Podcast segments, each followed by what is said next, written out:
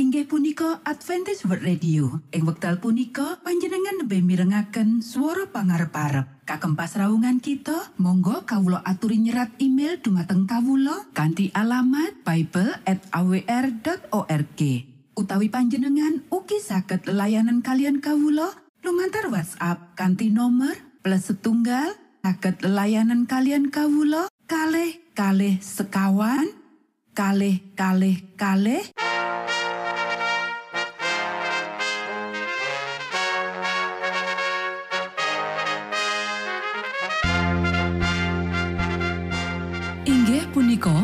Adventist World Radio ingkang giaran kanti basa Jawi. Tentrem Rahayu kula aturaken kagem para mitra kinasih ing pundi papan lan panggonan. Sugeng pepanggian malih kalian Adventist World Radio. Kanti bingahing manah Kulo badhe sesarengan kalian para mitra kinasih lumantar saperangan adicara ingkang sampun rinonci mligi kagem panjenengan sami. Mugi giaran punika saged migunani tuwin dados berkah kagem kita sedaya. Sugeng midhangetaken Gusti amberkahi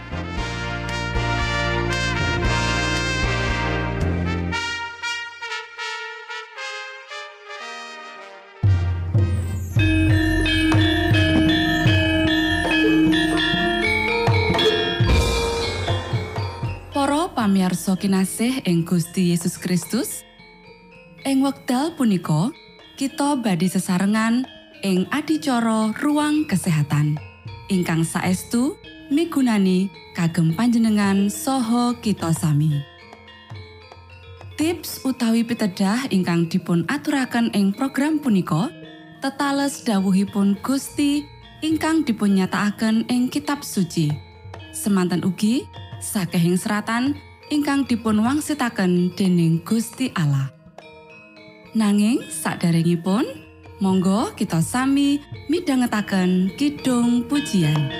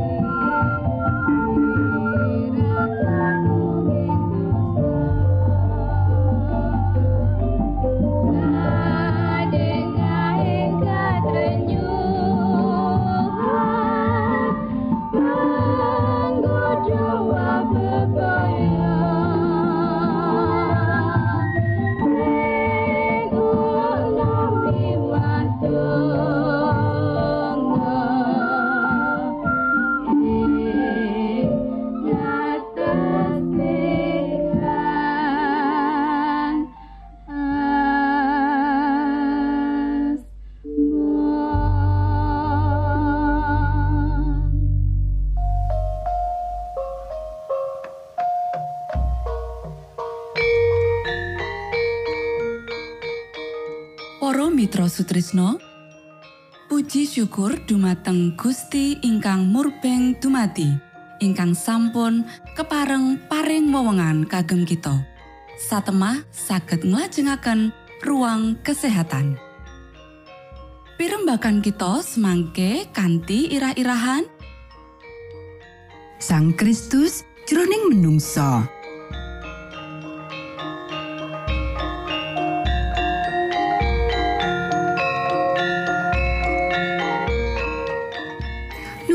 Dumateng para pamiarsa ingkang dahat kinurmatan, sugeng pebanggian malih kalian kula Isti Kurnaidi ing adicara ruang kesehatan. Ing dinten punika kanthi irah-irahan Sang Kristus jroning menungso. Para sedherek ingkang kinasih, Sang Kristus kutuni gesang jroning diri menungso. Menungso kang dadi wakile lan makarya lumantar panca indra dheweke lan lumaku lumantar kepinterane. Rikala wakil-wakil menungso milih kersaning Gusti Allah lan dicocokake karo watak utawa budi pekertine Sang Kristus, Gusti Yesus tumindak lumantar organ-organ badan lan panca indrane dheweke. Roh Kristus kudu nguasani organ badan kanggo wicara, organ badan kanggo kasantosan mental, lan organ badan kanggo kasantosan fisik lan moral. Para sedherek ingkang kinasih, badan kita iki dudu duweke kita. Temahan kita nglakokake sak senenge ati. Nglumpukake dening padatan lan nuntun marang karusaan. Temahan gawe ora mungkin nyaosake pelatusan kang sampurno marang Gusti Allah. Panguripan lan kabeh kaprigelan kita kagungane Gusti Allah. Panjenenganing ngrumat kita saben wektu, panjenenganing gawe mesin urip iku tetep makaryo. Menawa kita ditokake nglakokake kanggo sewetara wektu, mulane kita mati. Kita gumantung marang Gusti Allah. Para sederek, iki sawijining kang ajaib. Gusti Allah nitahake menungso.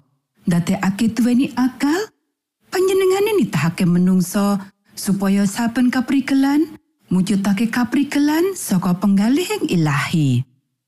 Kamulyan Gusti Allah kudu dipratelakake jroning nitahake menungso miturut gambare lan jroning panebusane. Siji jiwa luwih aji ketimbang sak donya. Gusti Yesus ya iku pangripta anane kita lan panjenengane uga pangripta panebusan kita lan saben wong kang bakal ngleboni kratoni Gusti Allah kudu ngrembakakake sawetahing watak kang padha karo watake Gusti Allah.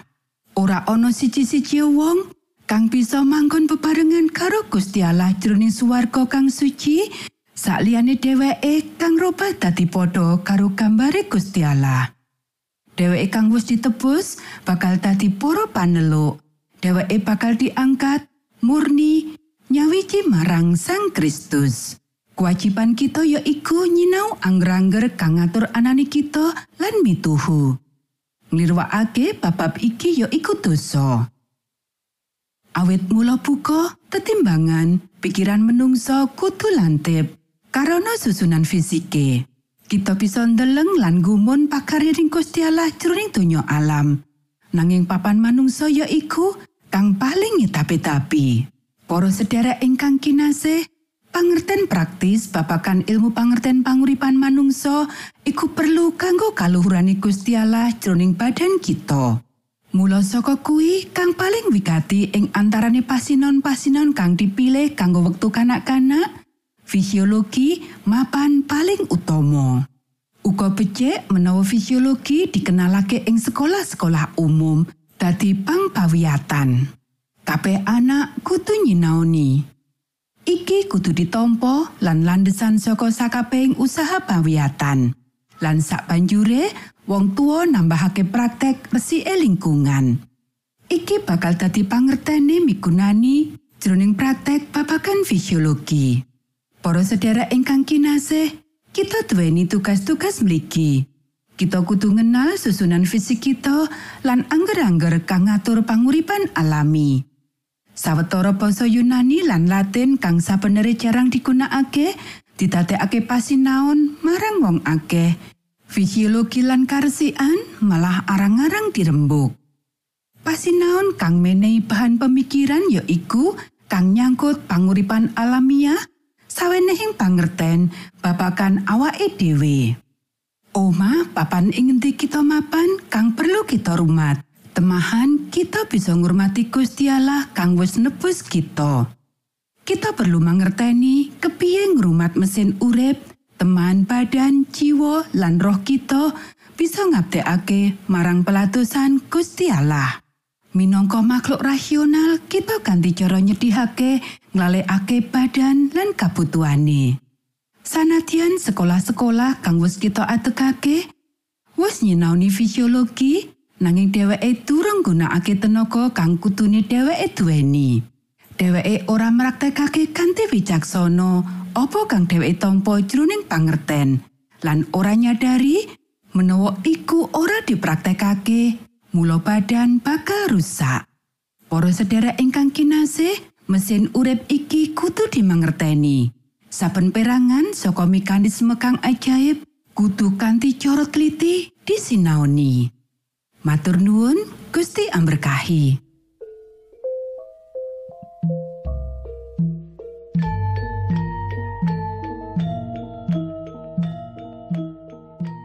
Cekap semanten pimbakan ruang kesehatan ing episode dinten punika.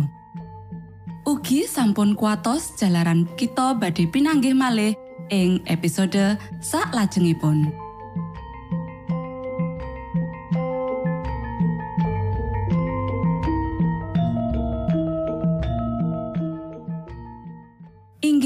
Punika adicara ruang kesehatan.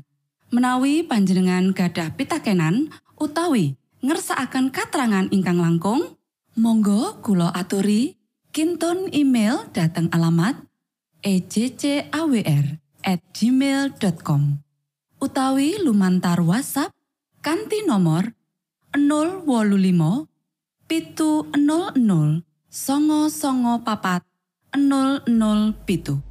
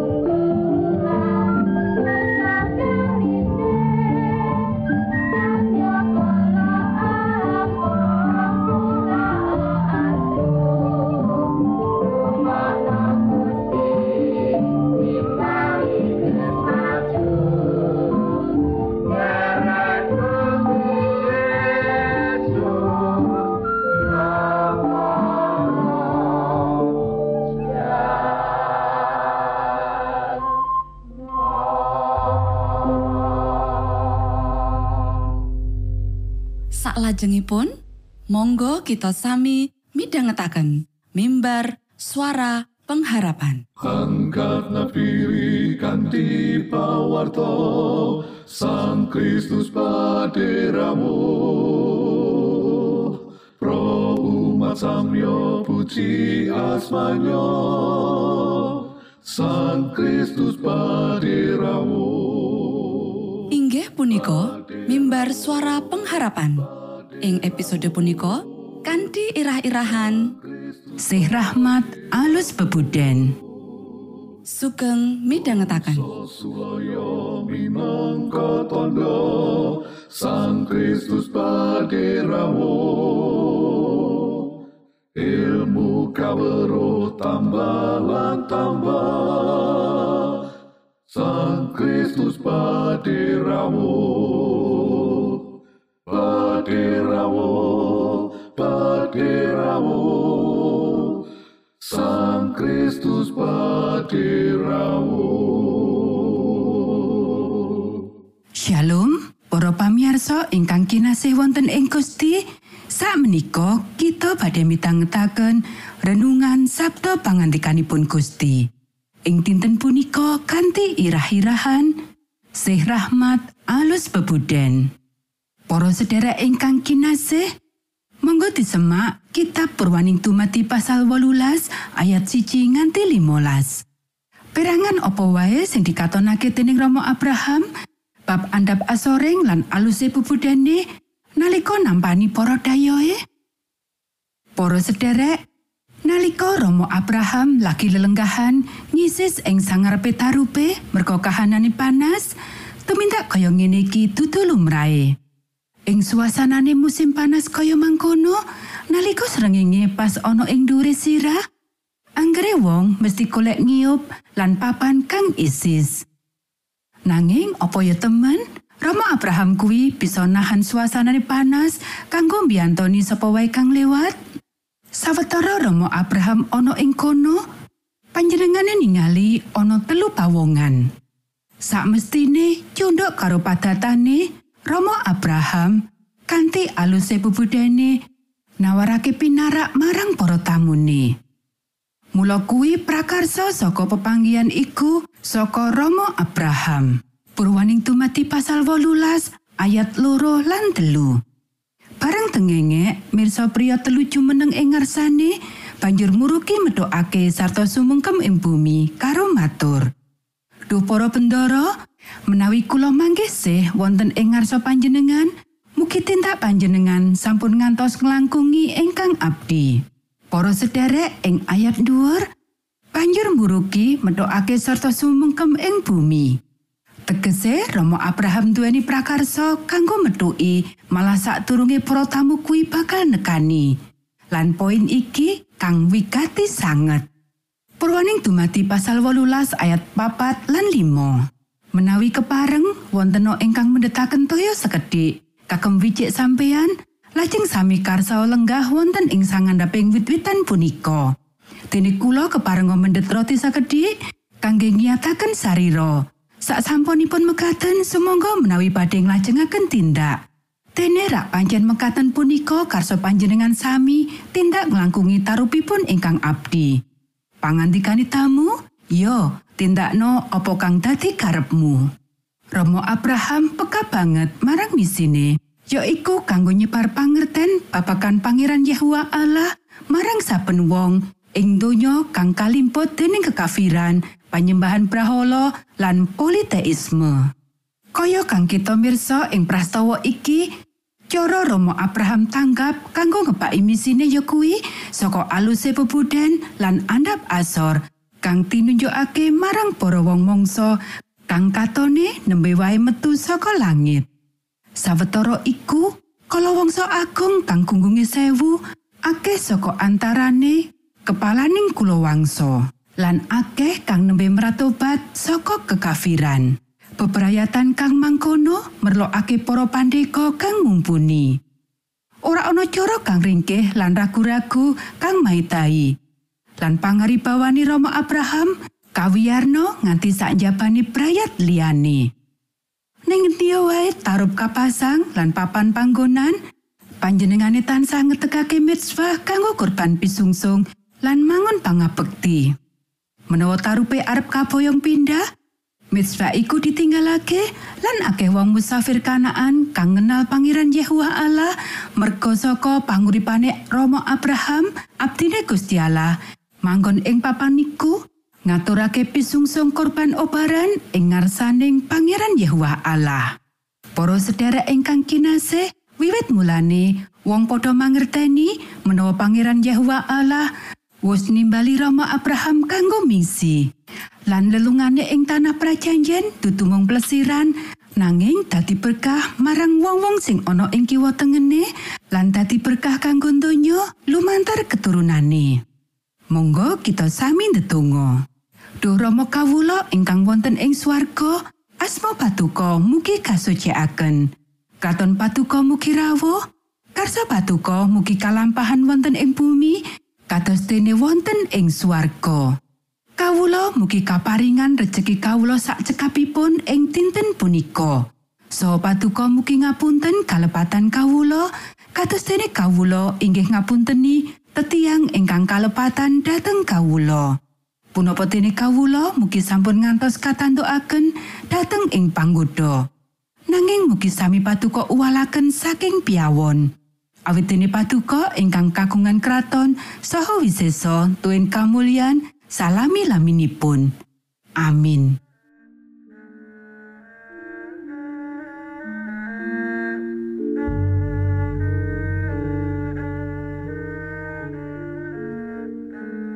Mitra Sutrisno pamiarsa kinasih ing Gusti Yesus Kristus. Sampun paripurno pasamuan kita ing dinten punika. Menawi panjenengan gadah pitakenan utawi ngersaakan seri pelajaran Alkitab suara nubuatan Monggo Kulo aturi kinton email dateng alamat ejcawr gmail.com utawi lumantar WhatsApp kanti nomor 025 pitu 00 songo songo papat 00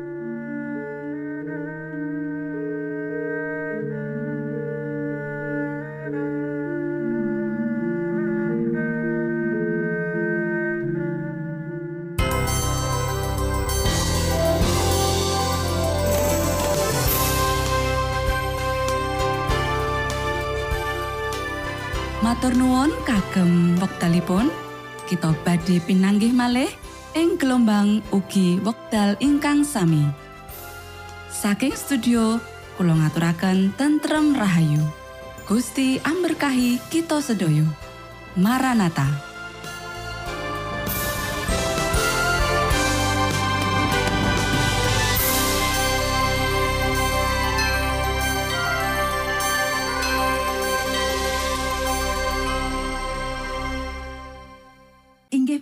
Adventist World Radio. Ing wekdal punika panjenengan lebih mirengaken swara pangarep-arep. Kagem pasraungan kita, monggo kawula aturi nyerat email dumateng kawula kanthi alamat bible@awr.org. Utawi panjenengan ugi saged layanan kalian kawula lumantar WhatsApp kanthi nomor plus setunggal saged layanan kalian kawula kalih kalih sekawan kalih kalih kalih